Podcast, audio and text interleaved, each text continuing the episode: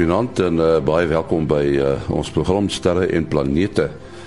Ons uh, gesels vanaand met Willie Koorts van die SAAO en dan is daar natuurlik Kobus Olkers wat vir ons gaan vertel wat met die son se weer aangaan.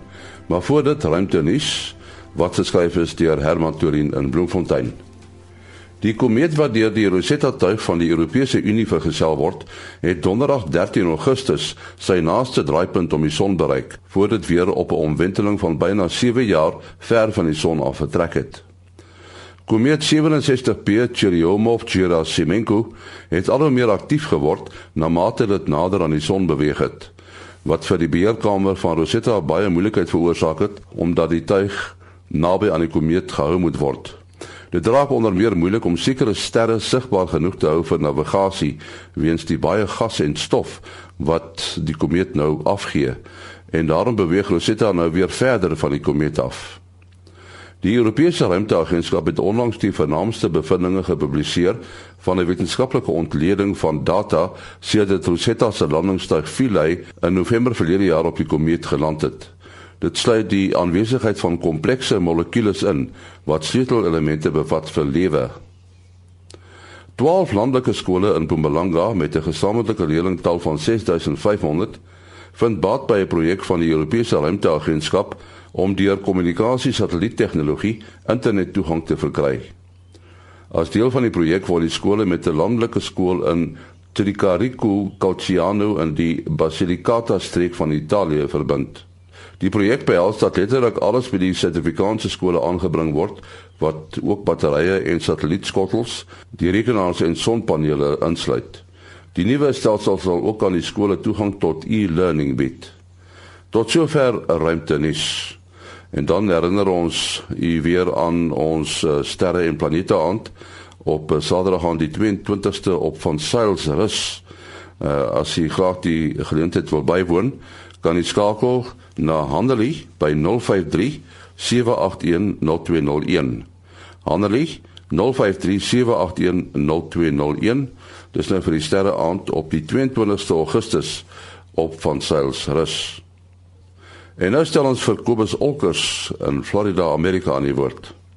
Mm, goeienaand en 'n goeienaand luisteraars. Ons het hierdie week weer 'n interessante ou sonnetjie Ehm um, in die eerste plek lyk hy soos 'n soos 'n ou kalk op oomie. Hy het 'n vreeslike groot bles bo op sy noordpool. En dit is natuurlik 'n groot koronagat. Hierdie koronagat lyk vir my is ehm um, so effens suidwaarts ehm um, uit 'n suidelike polarisasie. Ehm um, so hy behoort nie vir ons eintlik te veel probleme te gee nie. En dit is nou wel vreemd dat 'n suidwaartse polarisasie by die noordpool kan sit, maar nou ja, by die son is enige iets moontlik. Dan het ons verder 'n uh, groot koronagatjie, wel nie te groot nie, maar 'n baie intensiewe enetjie wat gelukkig ook suidwaarts gerig is. Ehm um, by die ewenaar van die aarde en hy het reeds vir ons begin interessante probleme gee. Hy uh, verswak so effe die die aarde se magneetveld. Ja die die ejector wat van hom af kom verswak die die aarde se magneetveld. En um, ons veral ons langafstand uh, kommunikasiegebruikers kom dit nogal redelik agter dat hulle dat die ionosfeer nie te nie te wat wonders is op hierdie stadium nie. En dit sal ook so aangaan tot omtrent so woensdag se koers toe. Dan het ons verder nie 2 nie nie 3 nie maar 4 filamente hulle sit meestal in die in die suidelike halfrond van die son en daar's eenetjie wat so van die suidelike halfrond oorgaan na die noorde toe en dit lyk vir my asof hy dalk vir ons kan losspring. Ehm um, ons kan waarskynlike ehm um, uitbarsting van hom verwag uh, hier so teen maandag se koers, maandag dinsdag se koers. Verder is daar nie eintlik veel wat die ding aan betref nie wat die magnetiese onstabiliteit aan betref nie ons ons het 'n redelike besige uh, aktiewe area gehad wat nou so na die ander kant van die son toe gedraai het. En dit lyk nie asof daar enigiets is wat vreeslik kompleks is wat na ons kant toe kom hierdie week nie. So geen groot koronamassa uitbarstings en so aan in die vooruitsig nie. En so gesels Kobus Olkers in Florida, Amerika. Volgende aan die beurt, Willie Koorts. Uh, ons praat so nou en dan Willie in die program van 'n uh, ja, 'n plek, 'n uh, verskynsel, die sogenaamde oortwolk Hy is net, net buite ons uh, sonnestelsel. Maar as ek nou so na die literatuur kyk, lyk dit nie of of dit jy weet so iets soos die uh, asteroïde gordel is nie. Dit is iets wat maar daar is, maar jy weet nie mooi wat dit is nie dit is interessant as mens nou mooi gaan lees dan dan is dit ook iets omdat dit so bitterlik ver lê. Uh ons praat hierso van uit so ver as 2 ligjare vanaf die son. Uh so dit is 'n geweldige afstand en uh dit is eintlik maar nog net 'n teoretiese 'n wolk en en soos jy nou sê 'n wolk wat nou nie regtig jy kan eintlik as jy weer 'n analogie soek vir van die asteroïde gordel dan is dit eintlik die ja. nader gedeelte wat wat as die sogenaamde Kuiper gordel bekend staan. So ons dink nou aan al die planete uh, beweeg om die son in dieselfde rigting en min of meer in dieselfde vlak. En dan as jy nou verder gaan, dan begin dit bietjie meer chaoties te raak en die en die vlakke begin bietjie skuins in te kom en as 'n mens dan nou dink aan komete, uh, is komete se se bane is tipies gekantel en baie sigaarvormig, so hulle kom van baie baie ver af, kom draai om die son en en gaan weer uit. En en uh, um, dan is daar die sogenaamde scatter disk wat nou uh, waar die kuipergordel eintlik begin bietjie meer in in toyings raak kan jy maar sê. En dan kom jy by die die teoretiese oortwolk wat um, amper soos 'n 'n stralekrans rondom rondom die hele uh, sonnestelsel is. En dis natuurlik nou uh, hoekom ons sê dit is teoreties want ehm um, dit is uh, vir vir jare het mense gewonde waar kom komete vandaan? En en toe ehm uh, um, so ver terug as as 1932 uh het het uh, sterrekundige met die naam van Ernst Opik het ehm um, die idee gesê van daar moet iets daar buite wees waar die bron van die komete is. En uh, toe later Jan Oort hier in 1950s uh, eh, Jan Oort is is 'n uh, Nederlander en en hy was ook 'n stigter van van van ESO die uh, European Southern Observatory. En ehm um, hy het uh, toe weer begin speel met die idee en en vandag uh, is dit is dit redelik uh, is seker en en ons het al redelik inligting gekry deur komete wat inkom en en gaan hulle bane terug werk hoe ver uh, kom hulle vandaan ensovoorts. En so daar's al 'n redelike baie goeie prentjie van van hoe die oortwolk lyk en die oortwolk is eintlik baie sweries aan die buitekant en dan um, soos wat dan ons vir naby sterre verby beweeg of so dan kry jy dat dat uh, daar's uh, swaartekrag interaksie en dit sal dan van die buitenste komete waar hulle normaalweg in 'n baan sou beweeg het en na buite gebly het hulle skielik bietjie van koers afstuur en dan word hulle uiteindelik aangetrek deur die son en en kom draai dan in die in die in die binneste die die middelgedeeltes van die uh, sonnestelsel waar ons natuurlik is. Ja, dit kom eintlik daarop neer dat uh, ons ons uh, weet van die oortwolk. Uh, ons kan hom nie sien nie, maar ons ons weet wat die gevolge van hom is.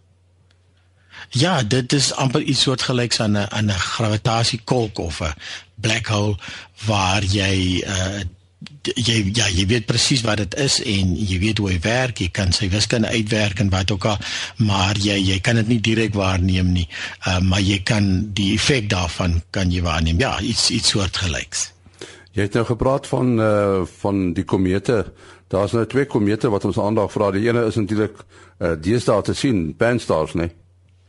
Uh ja, Pan-STARRS is um ook stadig besig om weg te beweeg en as ek reg onthou, bietjie bietjie flouer flouer te raak. Um en en dan is daar 'n tweede komeet wat um ek kan nou nie onmiddellik sy naam onthou nie wat nou uh al hoe beter begin raak en en oor die volgende maande uh selfs uh moontlik blote oog uh sigbaarheid gaan bereik. Nou dit is nou gaan nou glad nie glad nie so skouspel wees soos 'n klompie jaar terug uh um, met van hierdie komete wat vir ons so le lekker uh, vertoningkie gelewer het nie.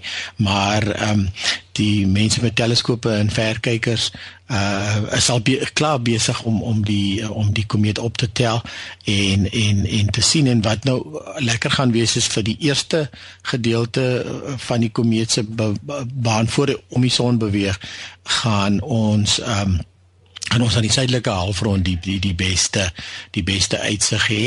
Ehm um, gaan gaan draai op 'n stadium baie na aan die suidekruis amper sodat ehm um, dit op 'n stadium heel nag gaan sigbaar wees, maak nie saak watter tyd van die nag jy moet kyk nie.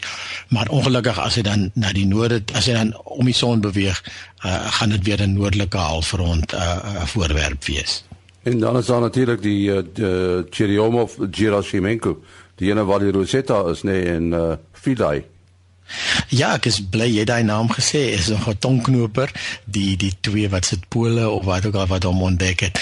Die 13de Augustus, uh, dit is nou donderdag, ehm um, het uh, die komeet die naaste aan sy draaipunt na, naaste aan die son bereik en ehm um, Rosetta vlieg nog steeds saam. Ja, Philae is ongelukkig nog nie weer van hom laat hoor nie.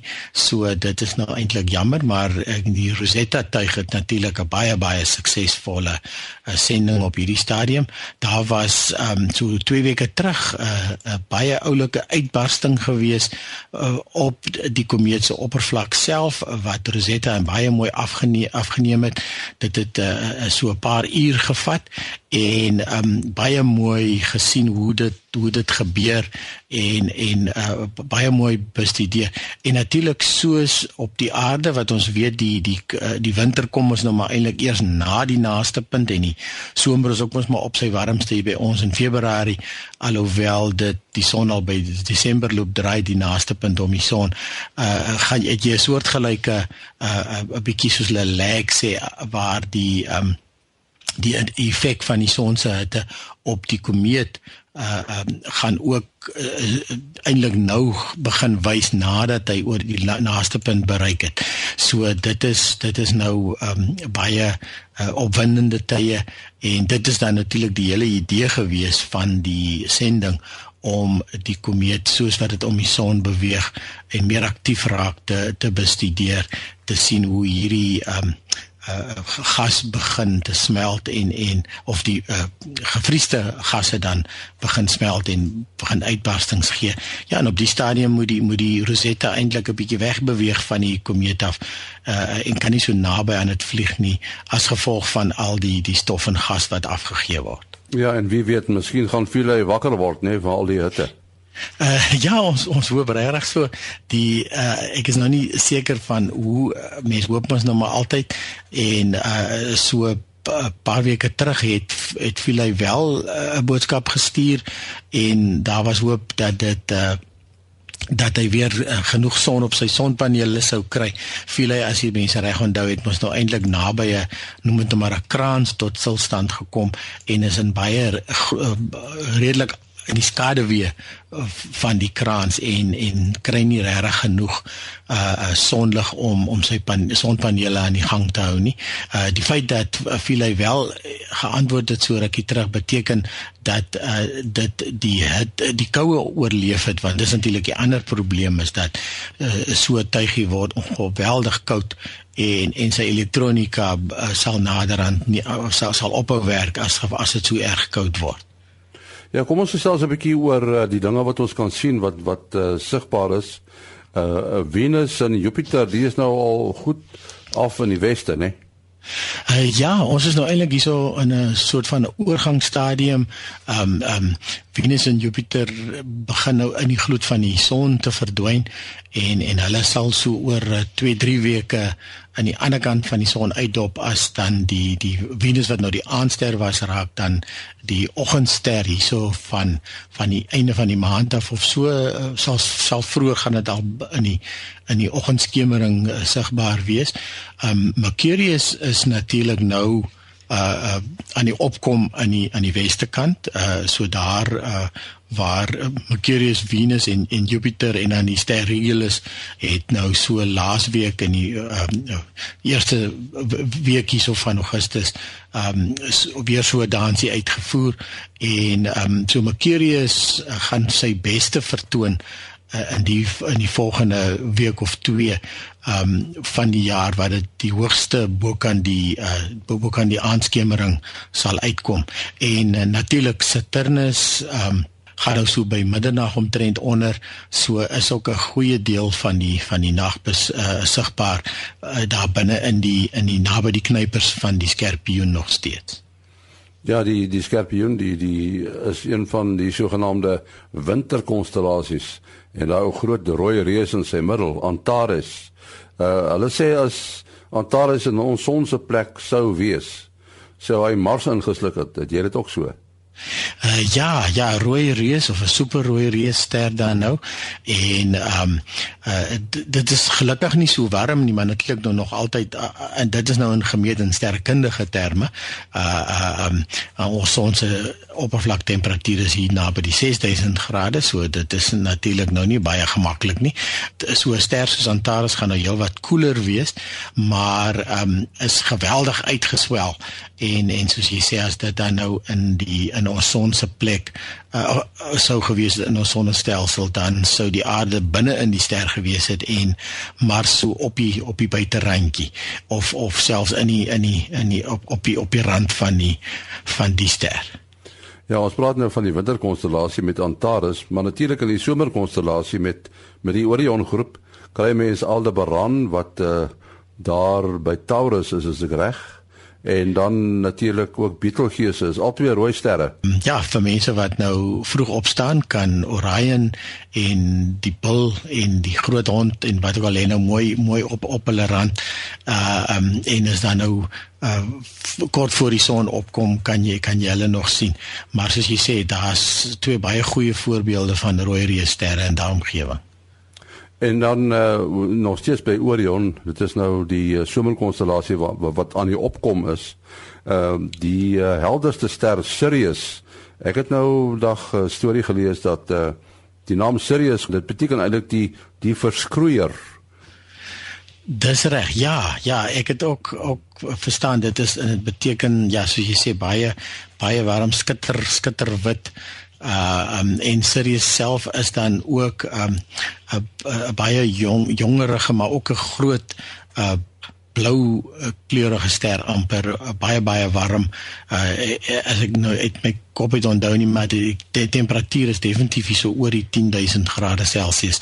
Uh selfs nog hoër neem ek aan ek ja ek dink sy by die 30000 ek kan nou nie presies onthou nie. Maar uh so so dis interessant dat dat sy naam eintlik pas by wat sterrekundiges intussen uitgevind het en gemeet het ja. En en hy is veronderstel om die helderste ster te wees nê nee, wat mense kan sien van die aarde af. Dit is korrek, die die helderste ster aan die naghemel Sirius en dan die tweede helderste is uh, is Canopus wat uh, natuurlik na van die suidelike halfrond vir ons die die die beste geplaas het. Uh, wat is jou besonderhede? Ja, mens kan bel SMS of WhatsApp 072 4579208 0724579208 En dit gaan goed met die Facebook groep, né? Ja, ja, ons is al hier, ek dink 3700 lede in daai omgewing. Uh manne gesels lekker. Daar's nou 'n uh, hele klompie mense wat uh deesdae wonderlike fotos neem daarso en um nuwe inligting wat mense raakloop word daar gepos. So nee, dit dit loop sommer baie lekker daarso. Ja, mense kan dit eintlik beskou as die grootste sterrekunde klub in Suid-Afrika en dan sommer nog seker die grootste Afrikaanse sterrekundeklap in die wêreld dan seker. My besonderhede maas.denny@gmail.com. maas.denny@gmail.com. Volgende week is ons terug. Tot dan. Mooi loop.